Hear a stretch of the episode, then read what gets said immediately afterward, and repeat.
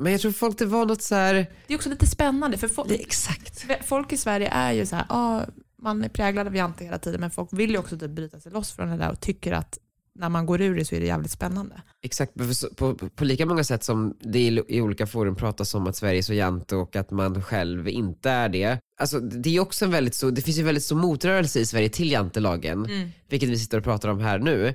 Så att jag tror att Sverige är absolut jättejante, men det finns också ganska stor community av alltså, människor som är lite emot jante. Ja, absolut.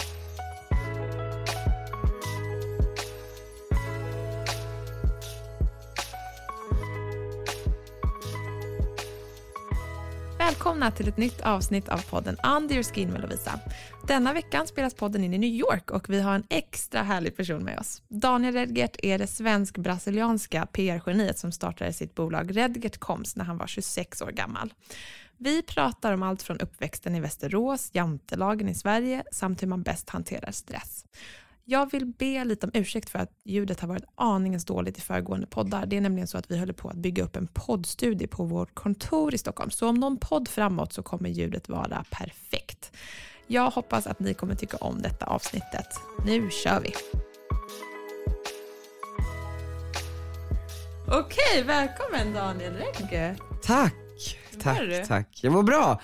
Det känns eh, kul att få bli intervjuad. Ja. Det var du- så länge sedan. Har du blivit det mycket i så här poddformat? Ja, men alltså, back in the day så blev jag väl det när jag var lite aktuell med någonting men sen så, sen så försvann den aktualiteten och det intresset.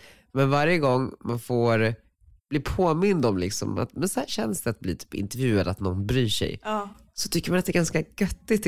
Jag tycker det är en ganska skön känsla också. Visst. Ja. Man får bli hörd och det är någon som bara frågar. Ja, men alltså, man gör tydligen något intressant. Ja.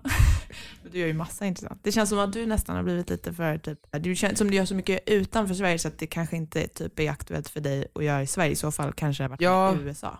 Absolut, man hade ju gärna fått lite pressklipp i USA men här är det ingen som bryr sig. men, men ja, alltså Ja. absolut. Ja. Men eh, work in progress. Work in progress. Nej, men jag vet vem du är, vi jobbar ju ihop och nu är vi faktiskt i New York nu på ett event tillsammans också. Ja, Eh, skitkul. Ja, jätteroligt. Vi sitter här på 29 våningen, faktiskt jättefin utsikt. Eh, Vatten och ja, skyskrapor. Och... Allt vet du. Ja. och du har ju också skrivit en bok som heter Åh nej. ja. Just ja. ja. Vem fan är det? Hur gammal var du när du skrev den? Jag tror att jag var 25. Ja. Men, men okej, för de som inte vet, då tänker jag fråga dig, Mm. Vem, vem fan är du? Nej men gud, det kan man läsa i min bok. Jag?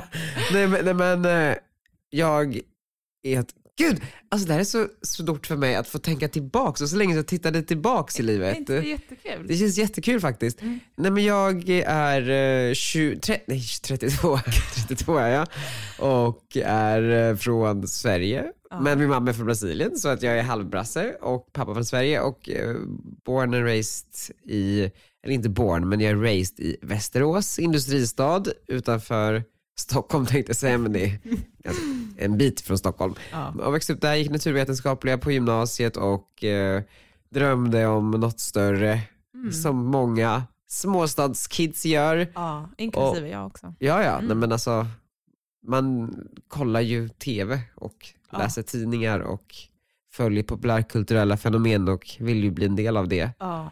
Eh, många gånger. Och eh, nej, men så, så hade väl liksom traditionell sån där uppväxt eh, och sen så flyttade jag till Stockholm och eh, bodde där i Mm. några år. Mm. Eh, och, och, och sådär. Jag har väl fortfarande någon typ av bas i Sverige men eh, ute och reser väldigt mycket. Men har jobbat med PR och marknadsföring de senaste Mm. Tio du, åren. du startade ju ditt eget bolag när du var, hur gammal var du när Eh, 26. Redgert.com startade? 26? Ja, Japp, det är är ungt. 26. Ja, det är så Ja. coolt. Kände du alltid när du liksom bodde i Västerås så att du längtade bort? Jag vet inte om jag nödvändigtvis längtade bort men jag längtade till någonting. Ja. Och kanske lite bort också. ja. Men eh, jag kände väl att jag hade så mycket potential som var utforskad. Mm. Som jag ville se hur långt jag kunde pusha den. Alltså, hur, vad, kan, jag bygga någonting med mina egna bara händer? Det ville jag utforska och just Västerås var inte plattformen för det. Nej. Och det som kändes rimligast och inom räckhåll var ju Stockholm Mm. eh, efter gymnasiet. Mm. Nej, men jag är så med det där. Jag tror jag hade mer längtan av att typ längta bort. Jag var så här, här kan jag inte vara. Liksom. Nej. Men du kände inte så, du var ändå så Jo, här, men, jo, det är klart att jag längtade bort, men det är, bara, så- det är väldigt svårt att gå tillbaka så många år och bara säga hur kände jag exakt Nej, jag där och då. Men ja, jag, jo, jag längtade bort, men jag tror att jag framförallt längtade till någonting. Och sen blev att man längtade bort blev som en effekt av att man Ja. ville till något som inte var det man hade här och nu. Mm, fattar. Och sen så flyttade du till Stockholm och det känns ju som att det är ganska snabbt för dig. Det kanske bara känns Nej. så utifrån. Men Men, visst, det tog så lång tid. Och Stockholm, jag tror att det är den, det är den absolut svåraste staden att Ah. lyckas i. faktiskt. För att det jag upplevde, min upplevelse att flytta till Stockholm som 18-19-åring efter gymnasiet var att så här, det är väldigt svårt att få människor att liksom embrace embracea dig, att släppa in dig i gänget, att bli en del av ett, ett sammanhang. Det är svårt att få jobb. Det finns väldigt få jobb på positioner inom yrken så som i mitt fall PR och marknadsföring. Och de går oftast till människor som har eh, kontakter eller någon typ av liksom valuta att trada med. Eh, idag är det säkert mycket kring following, alltså du är en eh, mer lämpad PR-människa om du har 10 000 följare på Insta kanske för då kan Ja. du också pusha kunderna du jobbar med och också få dina influencervänner att pusha de kunderna. Mm. Och, och den valutan saknade jag, så jag kom dit ganska liksom tomhänt. Mm. Och, och det var svårt, det var svårt i, jag tror det tog två år innan jag kände mig hemma i Stockholm. Mm. Ja, men det är ändå, liksom, ändå bra jobbat. För det, jag håller med dig, det är ju så svårt. Alltså, speciellt kanske nu. Då, det var ju inte så många år sedan i och för sig, men då var det ändå kanske inte riktigt lika mycket det här med följare och influencers. Nu känns det bara mer och mer omöjligt, vart man än är, även om man är i USA som Sverige. Men, Ja. men liksom, hur, hur gjorde du det? Hur, du lärde bara känna folk och liksom... Nej, alltså jag tror att it, it comes down to att göra ett jävligt bra jobb. Alltså om man får no, en chans i livet, alltså det kan vara den minsta lilla chans som verkar helt obetydlig och bara göra den jävligt, jävligt bra. Mm. För på så sätt så kommer du ju ha en valuta och det är att du är bäst på det du gör. Ja. Så att jag tror att i mitt fall var det väldigt mycket så här, ja men jag praktiserade, till slut fick jag en praktik för att jag hade, hade typ fem olika gratisjobb på så olika online-magasin. Jag skrev artiklar du vet, som ingen läste. Men som ledde till en, en praktikplats och där gjorde jag liksom ett, ett bra jävla jobb. Mm. Och sen så ledde det till att man fick liksom lite fler möjligheter och sen till Mm. lite fler och sen så gjorde man alla dem bra. Och till slut så liksom hamnar man någonstans. Ja, och det tycker jag ändå är ganska fint det här du säger med att här, ta tillvara på varje liten möjlighet. För det tycker jag, som har sett dig i jobbet så nu då, att det, hela den mentaliteten genomsyrar hela ditt bolag Redigate Comms. Ja. Att det är så här, varenda liten grej känns som att alla som jobbar hos er är väldigt så här, på, öppna, drivna och ni känns också väldigt, så här, vad ska man säga, säger man ha- hands-on? Hands-on, absolut. Men jag tror att också det är här, om någon anförtror sig med sin tid, sina pengar, sin, ja men, med sitt företag, sin produkt, sitt varumärke. Alltså vem är jag att inte göra mitt bästa? Förstår du vad jag menar? Mm. Och, och det känns som att det är en underskattad valuta nu för tiden. Att, att folk liksom lite har glömt bort vad det faktiskt comes down to. Mm, verkligen. Ehm, Verkligen. Men om vi går tillbaka lite till det här med alltså just Sverige och utomlands och så. Du känns ju inte som att du har varit präglad av så mycket typ jante, som ändå Nej. finns väldigt mycket gott om i Sverige. verkligen. Vad, vad, är det också liksom en av anledningarna till att du vill komma ur Sverige, eller har velat komma ur Sverige? Jag tror att det har spelat mig väldigt väl att Jante är liksom en grej i Sverige för att jag tror att, för- jag känner ju ganska snabbt som PR-person att ingen bryr sig om vad jag eh, försöker pitcha här till olika medier och sådär. Jag bara, hur ska jag få dem att bry sig? Jo men om jag blir lite känd så kanske folk bryr sig. Så då, då försöker jag, men då måste jag bli känd för att jag ska kunna bli bra på mitt jobb. Hur blir man känd i Sverige? Jo, man säger saker som ingen annan säger. och, och, och det är liksom ganska ja, enkelt. Så, så det jag gjorde då var att jag startade en, en podcast. var väl liksom en av de första grejerna. Där jag ställde kändisar frågor om pengar och sex och sånt som man inte fick prata om.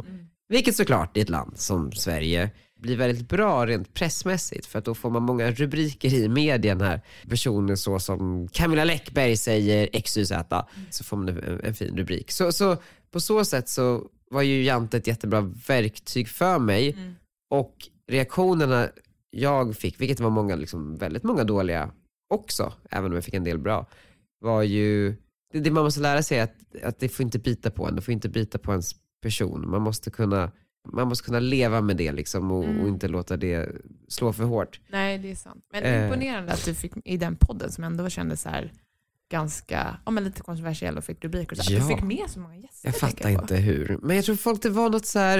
Det är också lite spännande för folk, Det, exakt. folk i Sverige är ju så här, ja, man är präglad av jante hela tiden men folk vill ju också typ bryta sig loss från det där och tycker att när man går ur det så är det jävligt spännande. Exakt, på, på, på lika många sätt som det i, i olika forum pratas om att Sverige är så jante och att man själv inte är det. Alltså, det, är också en väldigt så, det finns ju väldigt stor motrörelse i Sverige till jantelagen, vilket vi sitter och pratar om här nu. Så att jag tror att Sverige är absolut jättejante, men det finns också ganska stor community av alltså, människor som är lite emot jante. Ja, absolut. Men för någon som lever, någon, någon som lyssnar på det här och typ vill starta eget bolag eller göra någonting och lever väldigt mycket, präglas av så här, vad andra tycker om en. Vad skulle du ge för tips till dem för att bryta sig loss ur det? Alltså det kommer vara smärtsamt, folk kommer tycka saker. Du måste lära dig att leva med det för annars kommer du aldrig kunna bygga någonting tyvärr. Alltså man måste också försöka se, man pratar väldigt mycket om så här hur världen borde vara eller hur det borde funka eller hur man borde känna eller hur det borde men oftast är det inte så. Det finns oftast en realitet man måste förhålla sig till. Och realiteten är att det är tufft. Ja. Och att man måste ibland ta och genomlida saker för att komma ut på andra sidan. Mm. Så att jag skulle säga att stå ut först Ja. och främst. Ja. Och sen också om man vill starta ett eget bolag, alltså jag tror absolut bästa man kan göra är att bli jävligt bra på någonting. Ja. Alltså bli bättre än alla andra Ja. på någonting. Ja. Och typ jag hörde, jag kommer inte ihåg vart det var nu, men jag hörde någonstans att segast vinner. Att bara så här, Ja. ge inte upp. Nej, kör på. Ja. Alltså till slut kommer chansen. Det tar. Alltså, vi sitter här i New York nu. Det är så kul för vi sitter på Gateway och poddar, alltså Svenska Mm. Handelskammaren. Och eh, vi hade ju ett kontor här för alltså, tio år sedan. Jaha, tio år eller- sedan. Vi, vi, vi blev erbjudna en skrivbordsplats Ah. tillsammans med, kommer du ihåg när Isabella Löwengrip och alla skulle vara här? Ja, ja, ja, just det. Det Absolut. var ju vi, Isabella och så var det typ någon mer Ja. och så hade alla varsitt skrivbord där. Men vi hade ju ingen representant på plats i USA. Så det stod ju bara skrivbord där. Men vi var såhär, nu ska vi göra business i USA. Ja. Alltså det här var så länge sedan. ja. Och det känns helt sinnessjukt att vi nu äntligen Ja. har ett företag med anställda i USA. Men det tog så Mm. Lång många tid. år. Ja. Jag vet att jag pratade med en av dina anställda som, som sa det att här, när ni gjorde loggan så Ja. skrev ni så här, Stockholm och New York. Ja. Liksom. Och nu är ni äntligen här. Ja, Ja. och, och, och resa mot USA. Jag har ju åkt till USA varje sommar i kanske tio års tid och hängt med massa vänner här och bara nästa år kommer jag. Ja. Och de bara, "Ah, vad ska du göra? Jag bara, jag vet inte. Så träffar jag bara massor av människor och försöker liksom, jag kanske kan jobba för dig och det, de, hur ska ens komma till USA? Du behöver liksom ett visum. Och sen så, du kanske kan jobba hos mig men där kan du bara vara praktikant för jag har inga pengar att betala dig. Jag bara, men jag har inga pengar att betala hyran. Nu ska jag ju då. Alltså det har alltid varit någonting.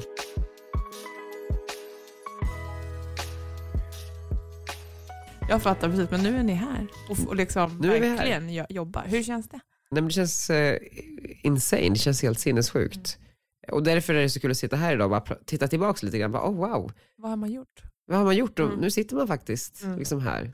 Vi pratade om det på middag här om veckan, att så här, man är så dålig på att fira.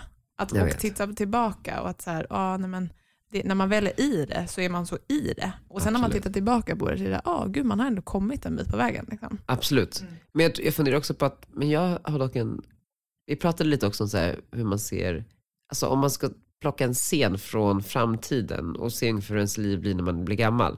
Då ser jag, jag tror att det var till dig, eller till din mamma, Mm. eller till någon, att eh, jag ser mig själv så här, så här gammal, sitta i något hus vid vattnet i typ Hamptons eller Montauk och ha massa böcker och bara gå omkring där. Och, och jag tror att det där kommer bli min stund där jag får liksom stanna upp och bara, vad fan händer med Ja. livet? Men det är ju några år kvar Ja. dit. Då får du skriva boken Vad fan hände? Ja. Absolut. Ja. Men du, du är ju vd och driver ditt bolag. Jag är faktiskt högst. inte vd. Är du, du är inte vd? Nej. Jag är ingen bra vd. Nej, Berätt, när tror ni ni är vd? Det här har jag missat. Nej men alltså successivt, vi har ju alltså Redgert Group AB då, som var det senaste som jag lämnade som vd, Ja. är ju vårt holdingbolag som äger då bolag i olika länder, USA, England, Tyskland, Finland, Sverige och så vidare. Och så vidare. Mm. Och eh, alla de har ju, haft, har ju liksom en respektive liksom landschef eller vd. Och eh, jag var ju vd för Sverige först, för det var Mm. där vi startade. Och eh, sen så var jag, insåg jag mina brister och det är siffror, personal, allt sådana där Mm. liksom vd-saker. Mhm. Och Chloé eh, Bernhardsson som var min kollega där var mycket bättre så hon fick bli vd och gjorde det skitbra. Mm. Och sen så blev liksom gruppen större, vi startade fler marknader och blev mer komplext och då försökte jag väl hålla ihop det som vd på, i holdingbolaget men Mm. jag var inte så bra där heller. Nej. Så eh, då lämnade jag över det till Chloé också. Ja. Och det här var väl halvår sedan kanske. Okej, då är det ganska nytt ändå ju. Ja, ganska. Ja. Men sen var hon liksom inofficiellt alltid Ja, ledig typ. För jag att jag är mer en PR-person som ska ut och hitta business och bygga saker. Hur, hur många anställda? är Ni är 40? Jag tror runt 70 Herregud. globalt. Mm. Det är så häftigt. Det är Ja. verkligen, du har verkligen skapat något stort. Ja, Alltså. vi har skapat något tillsammans allihopa. Såklart, såklart. Men ja, Men hur, hur pass mycket liksom leder du personal och sådär då? inte alls mycket. Inte mycket? Alltså Nej. inte typ överhuvudtaget. Mer så större frågor kring, alltså behöver man ha så många chefer? Behöver man Mm. liksom, alltså hur, lite mer holistiskt organisatoriskt kanske? För hur, hur man ska bygga inför framtida expansion så att allting blir streamlinat. Mm. Hur Där- jobbar ni med det? Det är någonting jag tycker är jätteutmaning. För nu håller vi på och växer, vi anställer Ja. och tar in folk och det, det är typ bland det tuffaste tycker jag. Absolut, och jag tror att det är väldigt specifikt beroende på vilket typ av bolag. Jag tror att vi har ju en ganska personaltung Mm. industri som vi verkar i, konsultindustrin. Ja, ja. Så det är ju bara människor. Och där tror jag att vi, alltså det, man märker ganska tidigt, några år in i en bolagsresa är att folk börjar efterfråga struktur. Mm. Eh, och då faller man ju för det och bara så här, men det är klart vi ska ha struktur och så börjar man strukturera upp allting. Och helt plötsligt har man ju jättemycket struktur. Och då börjar ju alla säga, men saknar ni vara lite mer entreprenöriella? Mm. Och då är man så här, fuck, vad är rätt väg att gå liksom? Mm. Men jag tror för oss har vi skalat ner lite av strukturen igen och blivit lite mer entreprenöriella. Mm. För att vi är fortfarande, ett, vi är 70 personer men vi är liksom inte 700 000 människor. Nej. Så att vi måste också bete oss lite utifrån vår storlek, vilket Ja. är entreprenöriellt. Mm. Så bort med lite struktur, Mm. i alla fall för tillfället. Ja, men jag håller med om det. Det, det är en balans, alltså en mellanväg. För det, vi är också där någonstans, vi är ju inte alls lika, liksom, vi är inte nära i personalen vad du har, men, eller vad ni har, men vi är ändå liksom någonstans där vi verkligen måste börja bygga struktur. Men man vill inte tappa det där äh, andra heller. Men då, tror jag så, här, om, så länge man kan bygga strukturen när det kommer till så här, det finansiella, legala och allt sånt där som måste vara på plats.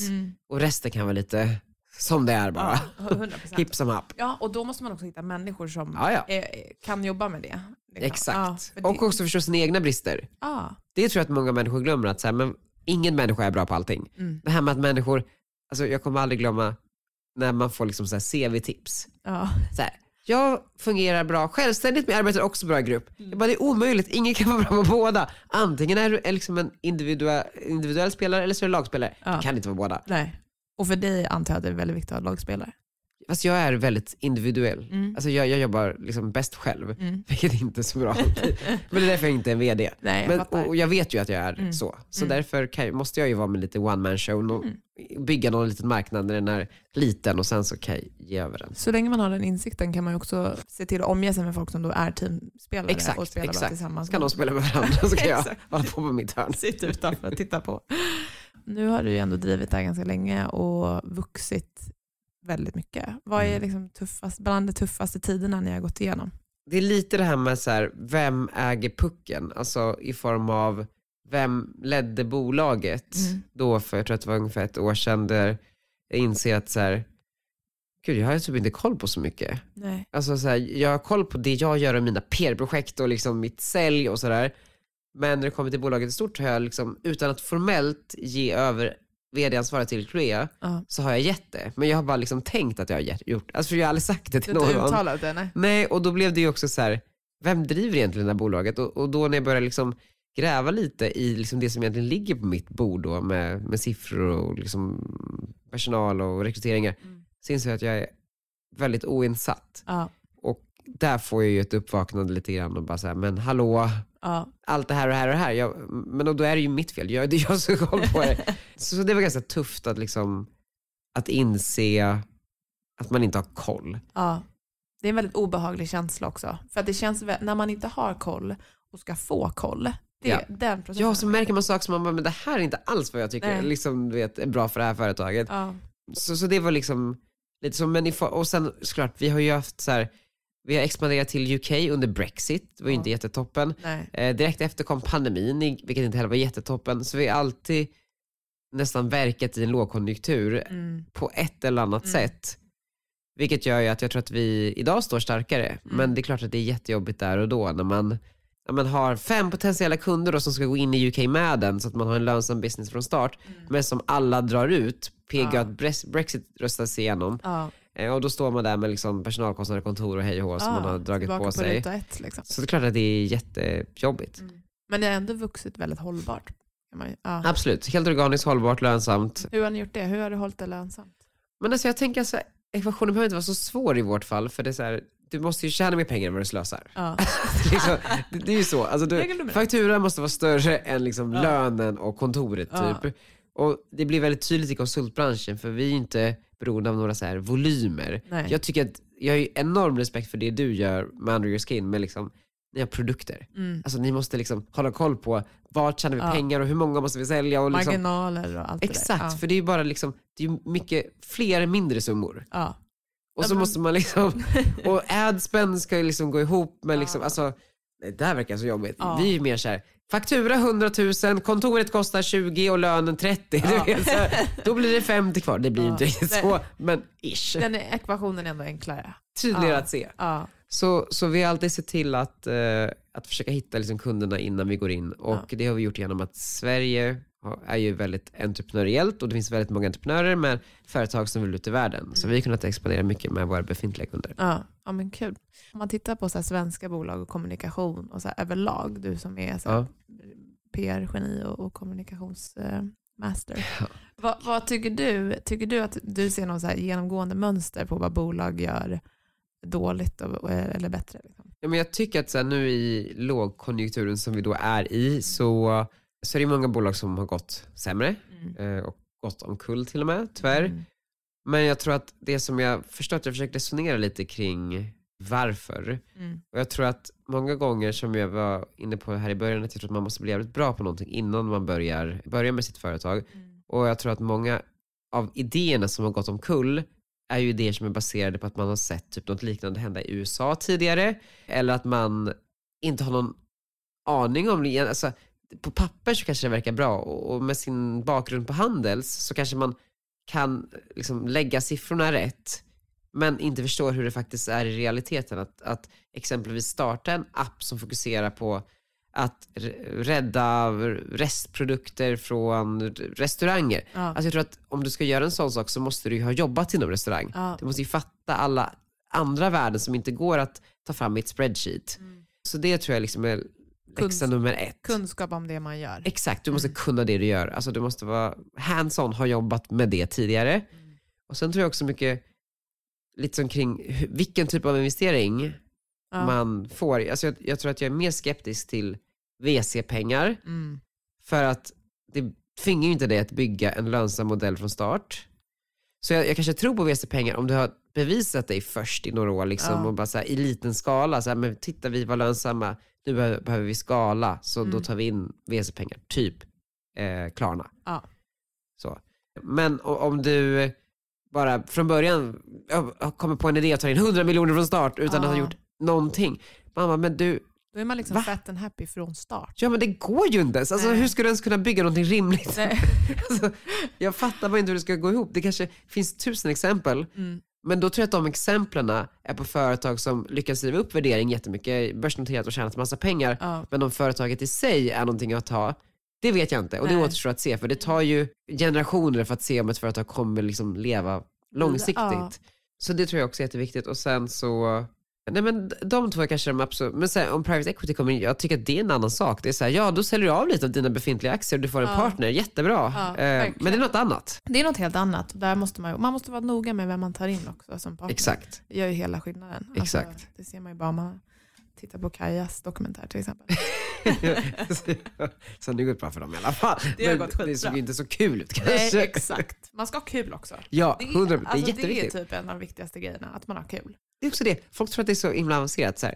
Det är mycket enklare än vad man tror. Alltså, Ja. Man ska ha kul på jobbet, man ska jobba hårt, Ja. man ska vara lite duktig Ja. och så löser sig Gilla det resten. man gör. Exakt. Men sen är det så lätt att det, tycker jag, jag och mamma pratar väldigt mycket om det, att det blir seriöst på vägen när man växer. Då måste man, man måste snappa ur det och komma ihåg att man ska ha roligt också. Ja, och det är oftast inte på liv eller död. Nej. Alltså, ja, det är klart att det är skittråkigt om ditt företag går omkull. Liksom Ja. Du har kämpat jättemycket i tio år, Ja. men du lever fortfarande. Ja. Vad är, alltså det brukar jag tänka så här, bara, vad är det värsta som kan hända? Nej men det är att det skiter sig. Ja. Överlever jag? Ja. Ja. Alltså, Exakt. då blir det också så här, inte lika allvarligt. Liksom. Exakt. Det är Man- som ett dataspel eller ett tv-spel, man bara spelar lite grann. Vi spelar bara så här. Det är det vi gör. Ja, men vi gör typ det. Ja, men eh, vad är ditt, har du ens något mål? Eh, Förutom då att sitta på verandan i Hamptons. Liksom. Med jobbet tänker jag typ. Ja, nej, men alltså, som jag sa lite i början, att jag tror att drivkraften kommer ju från att ha suttit i liksom, datorstolen i Västerås och liksom läst bloggar och eh, här drömt om något annat. Nej, inte gaming, det var mer såhär, eh, kolla på Glamorama på TV, TV3 Play. Eh, och eh, ja, men så här, bara följa människor som förverkligade sina liv genom sociala medier, Ja. eller bloggar då på den tiden. Ja. Eh, och då hela tiden velat se, men, men jag tror att jag har potential att göra någonting stort och Mm. liksom, ganska mycket större än vad jag läser om. Typ. Ja. Men jag har inte fått plattformen att göra det.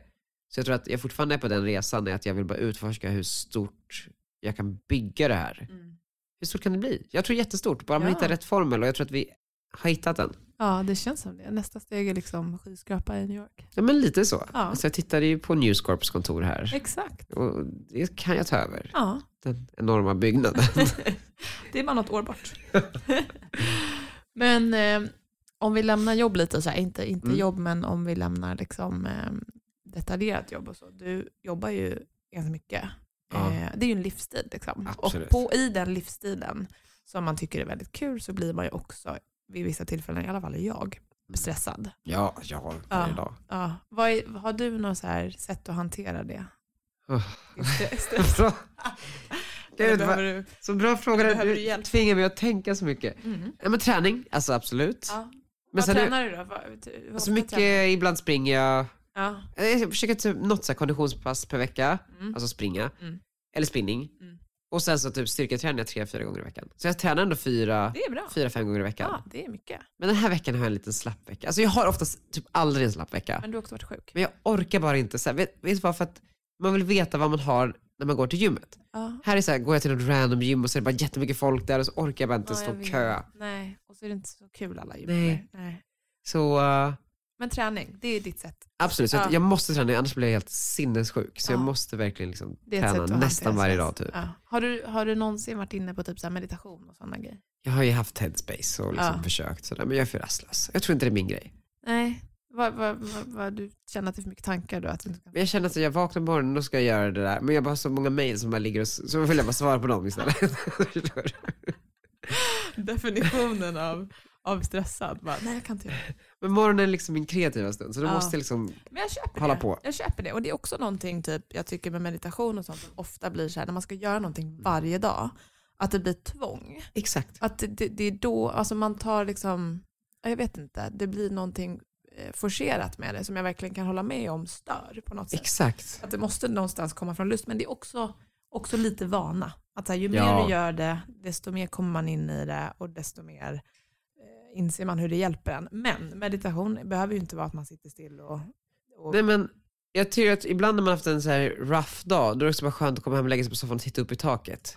Eller på Real Housewives of Beverly Hills eller någonting. 100%. Alltså, det är, okej, så, så träningen, Real Housewives och liksom Kardashians och reality och sådär. Men dock blir jag väldigt inspirerad när jag ser Kardashians. Så då vill jag bara starta massa businesses. Ja, jag med. Så visst. Alltså, gud, jag pratade med det här med Mickan häromveckan, bara så här, Mikael Hamilton som också var med i podden, om hur, inspirerad man och motiverad Visst. man blir. Och se Kim har ett eget plan, man bara wow. Jag vet, och det finns så mycket fördomar och grejer om, om den här familjen. Men, Ja. men när man ser inser man ju bara, okej hur hårt de jobbar. Nej men alltså snälla. Och mycket de har emot sig för de har så mycket fördomar. Exakt. Ja, Nej men och det, det kommer ju också från scratch, alltså de har ju bara byggt det här. ja, Alltså, det är så häftigt. Nej men så, så kolla på skräp-tv, träna, kolla upp i taket Ja. och sen eh, läsa. Alltså läsa, Ja. typ entreprenörsböcker läser jag oftast helgmorgnar för då vill jag vara lite inspirerad. Men det ska jag lägga, lägga mig typ som skönlitterärt eh, ibland några sidor. Du, du slog mig inte som läsande typen. Jo, jo, jag läser ganska mycket för jag vill lära mig saker. Inspirerande. Visst. Ja. ja men fint ju. Så du, men när du lägger dig så läser du bok då? Ja, ja. när jag orkar. Ja, när du orkar. Okej, Ja. okej, okej, okej. Och sen inte min eh, största stolthet kanske, men ibland så tar man några sömnpiller. Ja. Det är inte så hälsosamt. Men Nej, men ibland gör man vad man måste för att, och speciellt när man reser mycket som du gör. exakt, ställa om tidszon hela tiden, jättejobbigt. ja. För du bor ju lite överallt. Jag bor lite överallt, exakt. Så eh, ja, jag spenderar många timmar på flygplan ehm, runt om i världen. Ja, och då kan man behöva lite hjälp ibland. Hur tänker du med typ kosten? Är du Ja. noggrann med den? Alltså jag, jag tror att jag, det här tycker jag är spännande för att jag har ju aldrig, jag, jag, jag har aldrig tänkt att jag har en ätstörning, men jag tror att jag har det. Okej, hur då? För att jag tänker väldigt mycket på vad jag äter. Aha. Alltså på ett sätt som, eller så här, det, här, det här har varit liksom en egen liten resa man alltid har gjort. Jag var lite tjock som barn och sen hade jag hängt kvar, den liksom lite ångesten inför det. Ja. Det är väl också delvis därför jag tränar liksom så mycket. Mm. Men sen så har jag liksom förstått lite mer och mer, alltså så mycket tid mat tar, tar upp eh, min tankekraft. Ja. Och, och, och det har jag funderat om mycket på och sen nu så försöker jag bara släppa lite på det och bara Ja. så här. okej om jag vill äta en pasta så äter jag bara den. Mm. Och så äter jag den focaccian och så äter jag en tiramisu. Och så, men inte på ett så här destruktivt sätt. Men så fort jag bara liksom börjar, börjar komma in i det, att jag Ja. bara så här, men nu är jag sugen på den här baren. Mm. Och då kommer jag äta den. Ja. Och då har jag liksom slutat med eventuella liksom hetsätningar man hade för några Ja. år sedan i alla fall. ja, jag förstår. Hur, hur, har du, hur har du tänkt kring Har du varit en sån som hetsäter och sen får dåligt samvete? Eller har du varit en sån som försöker... För jag tidigare har väl aldrig heller så här, eh, varit ätstörd, men, men jag tror att nästan alla någon gång i period i livet har tänkt mer eller mindre på mat. Ja, Och jag hade en period i min ungdom då när jag kompenserade väldigt mycket. Åt ganska lite och Ja. om jag åt så fort jag åt någonting typ, ja, men med mycket kalorier eller socker och så, här, så kompenserade jag genom att inte äta. Ja. Det är väl i och för sig definitionen av en ätstörning. exakt. Det är det jag tror att Ja. problemet med alla lite ätstörda människor är att de Ja. tror att de inte är ätstörda. men så är man lite ätstörd i alla fall. Djupt ätstörd. Ja, djupt. Nej, nej men hur har din, hur, vad, har din Nej men jag tror att det bara, jag har bara haft så här, jag, bara, jag tror att det är tankekraften mest. Alltså så här, Mm. att jag har lagt väldigt mycket tid på att tänka och att tänka på allt jag inte ska äta, sätta regl, upp regler för mig själv. Och sen så när man bara tittar på vad jag faktiskt äter så är det ganska så rimligt och typ en balanserad kost. Ja. Och jag gillar mer nyttiga saker än onyttiga saker. Ja. Alltså min guilty pleasure är typ granola. Ja. Eh, men, men det är bara att jag vill inte att det ska få ta så mycket tid längre. Nej. Eh, och jag kommer äta när jag är hungrig. Ja. Och jag ska lära mig sluta äta när jag inte är hungrig. Ja. Alltså för ibland kan man också bara äta bara för att man är uttråkad Ja, ja, typ. ja, 100%. Och det kan man ju sluta med om man känner att det är inte, det är inte jättebra att äta jättemycket heller. Nej. Eh, och sen så, alkohol tror jag att jag, eh, det har jag aldrig, jo det är klart jag har festat och druckit massa som ung, men det har jag typ slutat dricka mer eller mindre. Varför då? För att jag mår skitdåligt av det, för att min kropp är redan så stressad som den är med alla tidszoner och jobb och träning. Om jag skulle dricka på det så skulle jag gå i tusen små bitar. Alltså, jag är också ganska liten som person, alltså, jag är Ja. inte så mycket, jag är inte så lång och sådär. Och, Du är ganska petit. ja. Nej, då, då, då klarar man kanske inte så mycket när man, man är två meter lång och väger jättemycket. ja, då klarar man ju mer. Ja, men det jag håller med om det. Alkohol är en sån, jag tycker också typ när man är inne i eh, och dricka mycket, då märker man ju, alltså då blir man ju typ resistent. Ja, ja så då ja. märker man ju inte eh, hur dåligt man kan faktiskt må. Ja. Medan när man inte gör det och sen dricker man bara lite grann. En liten klunk. Alltså, ja, Men på sommaren, alltså, jag kan inte sticka under stolen med att så här, när man är på semester och så är lugn i kroppen. ja. Lätt. Fyra Ja. Aperol Spritz på en kväll. Ja. Fem! alltså, och det är skitkul. Ja. Men det är också någonstans då att kroppen mår bättre. Alltså Exakt. Det är mer avslappnat. Ja. När du är inne i Exakt. och presterar mycket, Ja. då måste man ju prioritera och välja och sådär. 100 procent. Hur har det, på tal om prioritera, hur det vill jag veta, hur har det varit för dig? För jag upplever när man jobbar så pass mycket som både du och jag gör, Ja. att man måste ju prioritera bort ganska många grejer Mm. i livet. Vissa bra, vissa dåliga. Men hur har Mm. det varit för dig med typ relationer och sånt? Jag tänker vänskapsrelationer. Har du känt att du har prioriterat bort mycket? Eller har det varit så att jobbet snarare har gett dig mer relationer som du värdesätter? Jag tror en kombination. Jag tänker ganska mycket på det här när jag reser framförallt. Mm. Typ, när jag har varit i New York i ja, två veckor snart. Mm. Vardagen är ju toppen, för då umgås jag med kollegor och kunder och det är jättekul att. Så kommer jag till helgerna och bara, fan jag är ganska ensam här. Ja. Bara går omkring där i någon park och bara, hopp. Alltså Ja. du vet, så här, ska jag ska jag ringa någon, en pressperson jag lär känna? Eller du vet, så här, men jag orkar inte det heller. Nej. Och, och då blir det så här, okej men då börjar man liksom reflektera mer. Ja. saknar mina vänner. Ja. Men inte skuld någonsin Nej. kring ens riktiga vänner. Familj har jag jättebra relation med men där, kan- där kan jag känna mer skuld. ja, För att liksom, alla blir äldre ja. och det är klart att så här, Är det skuld som kommer från dig själv tror du eller kommer det från någon annan? från mig själv 100%. Ja. Alltså mina föräldrar framförallt är jättenoga med att aldrig skuldbelägga mig med någonting. Fint. Eh, om jag inte förtjänar det. men, eh, men så det är bara för mig själv. För jag, också, jag vill ju spendera tid med, med Ja. min familj. Ja. Alltså, men mina vänner, Tom, jag vet inte om det är bara jag, men jag tar mina vänner lite mer för givet. Bara. De, kommer vara, de har väl sina liv, de är mitt uppe i någonting. Liksom. De ska väl ja, gifta sig eller något. det tar väl mycket tankekraft här. Eh, så de kan jag återförenas med liksom lite senare i livet. Men just familj, den, den känner jag mycket skuld kring. ja, det är ju något som man, eh, man bryr sig på ett annat sätt med familj också. Men du är ett lifehack, du är ju bara med mamma överallt. Exakt. Det är så Driver sant. företag och hej och Ja, men ibland säger jag bara, ja, ma- ja, jag ska bara fråga min mamma. Då känner jag mig som 12 år gammal typ. Men det är faktiskt väldigt eh, skönt att ha med sig mamma. Jag fattar Ja, det. men, eh, men känner du dig ensam Alltså, i livet? I, i, nej i livet. Det är inte så att jag går omkring och känner mig liksom ensam i stort. Men det kommer ganska ofta stunder där jag känner mig ensam. Ja. Framförallt när man håller på att resa runt och Ja. vara på nya marknader där man inte har ett sammanhang eller vänner. Ja, verkligen. Det tar jättemycket på det Ja. gör faktiskt det.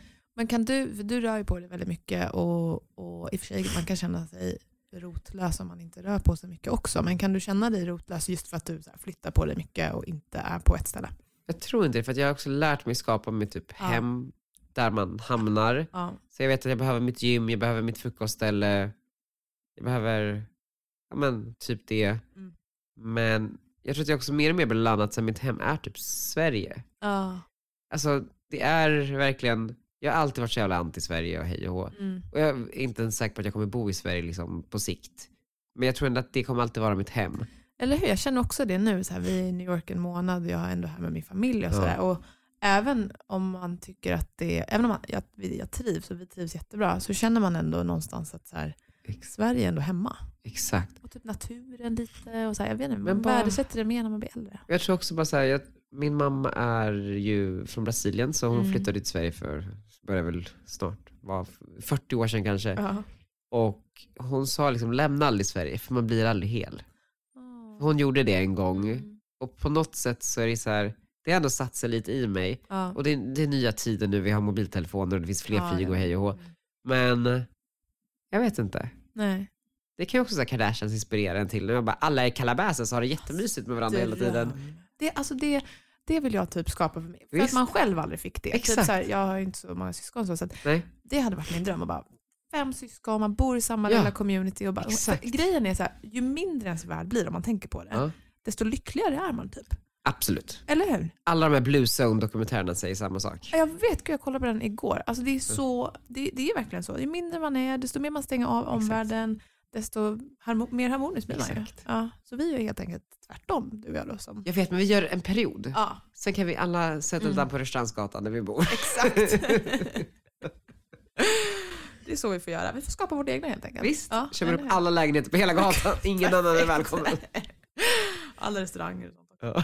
Om vi går vidare lite då och pratar om dina eh, skönhetsrutiner, om Ja. du har några. Alltså jag Har du några? Nej men alltså jag är så dålig. Men Jag, det är okej, man får vara det. nej alltså jag har, jag försöker, Ja. men jag har inga skönhetsrutiner. Jag går typ knappt aldrig och klipper, klipper mig, Nej. eh, för att jag bara känner inte att jag hinner. Jag har ett jävla eksem på min arm som Har typ du? aldrig försvinner, som bara blir större och större. Och det här tar jag kortisonsalva på, men jag tror att den är för svag. Det bara håller i schack liksom. Ja. Eh, Så det är ju inte så bra och sen så är jag uppenbarligen förkyld som, jag vet inte om man hör men det är, eh, och sen så har jag aldrig någon fuktkräm eller någon klipp, klipper knappt naglarna Nej, men för att jag bara glömmer bort. alltså, det, det låter vidrigt. Du måste lämna in dig på Eh. rehab känner jag. Ja men alltså lite så, så nej, jag har ingen skönhetsrutin. Men däremot det som vi kan prata lite om är ju hår. Ja, För att ni har ju produkter Mm. som Perfect för människor som lider av Absolut. lite håravfall som Absolut. jag personligen har gjort. mm. Och nej men precis, för det, där, jag började ju tappa hår när jag var 24 kanske, Mm, det 23, är ungt. 24, ungt. Och eh, så får man höra det på sociala medier, typ så här, men gud varför började ditt Nej. pann, eller vad säger man, ditt hårfäste i pann, mitt i huvudet, alltså på Ja, skalpen. ja, ja. Jag bara, tack. Tack så mycket. På riktigt. Tack. Och så var det någon intervju i Nöjes- Nöjesguiden, men vad heter den här mannen? Jag tror att han är lite trendig just nu. Eh, han är typ en komiker. Uh, Marcus Berggren, Ja, ja, ja. vet du vem det är? Ja, jag vet om det. Han skrev typ en artikel i Nöjesguiden för många år sedan jag släppte min bok och sa att jag såg ut som en cancersjuk. eh, Sluta. Och, och det var liksom lite där det gick upp för mig, att jag började tappa hår. Nej, men, Men då så började man ju liksom med ljus och lykta leta Mm. efter, så här, vad fan kan man göra åt det här då? Mm. Och det här var ju ett tag sedan, Ja. typ tio år sedan. Ja, det känns som att det har Eh, exploderat på senaste tid med exakt. hårgrejer. Och att det också blir mer, det har varit som tabu känns det som. Fast det, fanns ingenting upp, liksom, det fanns så här lite så här hårtransplantationskliniker i Turkiet där man kunde få se lite Ja, före och efterbilder typ. Ja, typ så PRP-behandlingar. Men det fanns typ inte. Nej. Alltså det var liksom, eller det kanske fanns men det var ingen som pratade om det, Nej. precis som du säger. Men då så, så gjorde jag en transplantation och så har jag gjort PRP-behandlingar och sen eh, Hur har det haft då? produkter och Vad har, ätit du piller. Och, för, vad har du använt för produkter? nej, men jag har eh, testat minoxidil, alltså Ja. så. Sen så har jag använt lite olika schampo. Men det är det här också, jag är aldrig Ja. trogen någon. Nej, alltså jag jag, jag, hitt, jag hittar ju något schampo och så köper jag det och sen så reser jag iväg och är borta en månad. Ja. så Glömmer du bort head and shoulders ja, liksom. ja, aj, det är dåligt alltså. Är det. Ja. Ja. Nej, det kanske inte jag ska säga, men det finns bättre alternativ. Men, eh, nej, men det är ofta det att man måste vara konsekvent med någonting. Men också typ att det, det känns som att ofta finns det grejer som olika företag tillverkar som är syntetiska, men de kommer ofta med typ så här biverkningar helt seriöst. Ja. Som inte är kul. Absolut. Ja, och då är det så här, pest eller kolera. kolera liksom. Jag åt ju den här Propecia eller Finasterid, det är egentligen samma läkemedel. Ja, okej. Men det är ju det är ju egentligen i USA, Ja. som allt i USA, så skrivs det ju ut liksom till höger och vänster och Mm. man kan prenumerera på det och man behöver liksom inte. Men i, i Sverige är det receptbelagt och ganska liksom Ja, okej. tungt för det är typ en prostatacancermedicin fast mycket Alltså, mildare. gud. Alltså ish. ja. Men det är många som äter det mot våra fall för Ja. det funkar väldigt bra. Eh, men det kommer också med jättemycket biverkningar. Om man är, då råkar ut för biverkningar, vad heter det, impotens, heter det så? Ja. Typ depression, hej och massa olika. Men jag började känna mig ganska konstig efter att ha tagit det. Tre år tror jag att jag tog det. Eh, så det slutade med. Ja, det Bort fattar med jag. sånt. Men det, ja, det är så. Då, är man, då vill man verkligen att något ska funka om man äter preparat för det som kan ge så allvarliga. Håravfall är så Ja. jävla känsligt för människor. Ja, det är verkligen. Du får, har, har du provat vårt eller? Nej men ja, nu har jag gjort Ja, det. ja. Men det har ju gått ja, två dagar. prova, kan inte du prova det jo, absolut. Ja, ta absolut. lite före och efterbilder. Du har ju sett eh, våra, det, det är så häftigt. Det är otroligt. Det behövs någonting naturligt också. Det känns Ja. som en förlegad gammal bransch som bara är så här äh, pillerpoppande. Exakt, det är så pillerpoppande och det behövs precis någon som liksom pratar om det men också bra produkter. Ja. Alltså, Verkligen. för jag, alltså nu har jag ändå liksom varit runt i, i håravfallsträsket ett tag. Ja, Förutom Under Your Skin så finns det ingen top of mind produkt jag kan komma på bara Nej. så här nu. faktiskt. Inte ja. en enda. Nej, det är ganska coolt. Och också att man bara pratar om det. För det känns som det är Ja. något som är så inte pratat Och speciellt bland män. Alltså vi har ju folk som kommer in i vår butik i Stockholm med så hoodies, killar, och Ja. köper höggrossing. Alltså för de typ är, alltså de skäms typ. Det, ja. Det känns bara så, så och min man också som eh, också lider, har lidit av håravfall, han är också så här, det är sån stor eh, grej. Det, för det känns som att killar ofta, det är håret är det man har typ, Ja, och bryr alltså, sig om. Ja. ja, uppenbarligen eftersom annars blir man kallad cancersjuk. Ja, men Men alltså, jag eh, kommer ihåg när jag gick på så här konsultation för hårtransplantation och det var Markplan, så här en liten vad heter det, konsultationsklinik där, i Stockholm. Och jag kommer ihåg, jag, jag, var så, det var så jobbigt och läskigt att gå in i det där så jag tittade runt till höger vänster. Jag, jag stod där på riktigt på gatan i kanske 10-15 minuter och bara nu, ingen här! Oh Sprang in så att Gud. ingen skulle se att jag gick in där. och du är ändå ingen som bryr dig. Nej, nej men nej. Och, då, och jag var också liksom typ 12 år gammal här så att det var liksom, nej men, men yngre. Nej. Så, ja, Nej. Men eh, är det bra att det kommer nya behandlingar som är, eller alternativ som är naturliga? absolut. Gör vi lite reklam också. Vi ska börja runda av. Ja. Vi har satt tre sista frågor som Ja. jag alltid frågar alla eh, gäster. Och den första är då, om du fick välja en rutin, alltså vilken som helst, Ja. meditera, träna, spa, eh, som alla jordens människor skulle göra varje dag, vad skulle det vara? Träna, Träna. 100%. Ja. Alltså det är också livselixir. Det är det som, men det tar människor ur depression. Ja. Folk måste bara göra det. ja, det är så sant och man mår bara allmänt bättre. Det känner man ju om man tränar på morgonen, att man resten av dagen bara har Absolut. skön energi. Liksom. Och det behöver inte vara så här, Superhetsigt, Nej. nej. rör bara lite på det. Hjärnan måste få syre. Ja, 100%. Och hela kroppen. Ja. Ja. Okej, Vad tror du att dagens generation behöver, alltså vi, eh, för att få nästkommande generationer att må bra? Oh. Mm. Vad, vad, hur ska vi liksom behandla oss för att få våra barn att må bra? För vi speglar ju alltid våra barn. Liksom. Jag tror att vi måste börja se världen lite mer positivt. Och, och se liksom vår egen roll i, i det hela. Vad, vad kan faktiskt vi bidra med, eller vad kan vi försöka göra bättre? Eller vad, hur kan vi utstråla eh, optimism och positivitet? Jag tror att men, vi människor, framförallt svenskar, kanske har en tendens att hamna i det liksom lite neggiga facket och Ja. gärna liksom skylla på någon annan. Och ja, det finns mycket strukturella problem. Ja, det finns, eh, politiken borde göra mer och ja, den och den och den borde göra mer. Men vad kan du göra? För det är Ja. det enda du kan kontrollera. Det är så sant och det är så bra. Jag, jag, ofta tycker jag, det är en stor fråga med så klimatgrejen, men, Ja. men det tycker jag ofta att man typ känner att man ger upp för att det är kört. Ja. Men okej, för oss kanske det är kört att verkligen komma på och göra stora förändringar. Men för våra barn, Ja. att så här, ge det till dem. Att så här, vi kan göra förutsättningarna rätt så att våra barn kan göra den Ja. förändringen. Liksom. Eller bara uppmuntra till Ja. innovation, eller om någon har någon idé, eller om någon vill sopsortera, eller vad jag Ja. menar? Så bara, också bara, det är klart att ingen kommer göra en effort för en värld som ingen vill vara en del av. Men om du gör världen till en plats folk vill Ja. vara en del av, då kommer du också kanske agera lite utifrån att världen också ska få fortsätta existera. Amen. Okej, sista frågan. Vem hade du velat se som gäst i podden? Ooh, får jag välja mellan vem som helst i hela världen? vem som helst. Det behöver inte vara någon. Måste det vara någon som eventuellt också, alltså, kan det bara vara någon som, alltså måste den också potentiellt kunna bli gäst? Eller, eller får man liksom, Du välj vem du vill. Alltså, det kan vara din mamma. Ja, där sa något, alltså jag vill inte kanske just min mamma för att eh, det blir lite close to home, men jag tycker att det vore spännande att höra någon som inte typ är någon. Eller Ja. förstår du, i form av så här, jag vill jättegärna höra någon som jobbar inom vården eller någon Ja. som jobbar inom, jag älskar bara generellt livshistorier, hur hamnade du här? Ja. Det kan vara vart fan som helst. ja. Ja, Det tycker jag att det görs för få poddar om. Mm, håller helt med. Så livsöden. Absolut. Sen Ja. älskar jag Anna Wintour.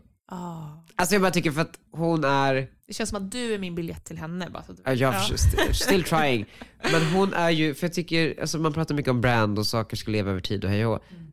Men det finns väl inget personligt varumärke som har varit så långsiktigt som henne. Och det jag tycker som är så intressant med henne är att hon pratar ju om sig själv. Alltså jag tror nyckeln i hennes framgång, Ja. hon har ingen egen sociala medier.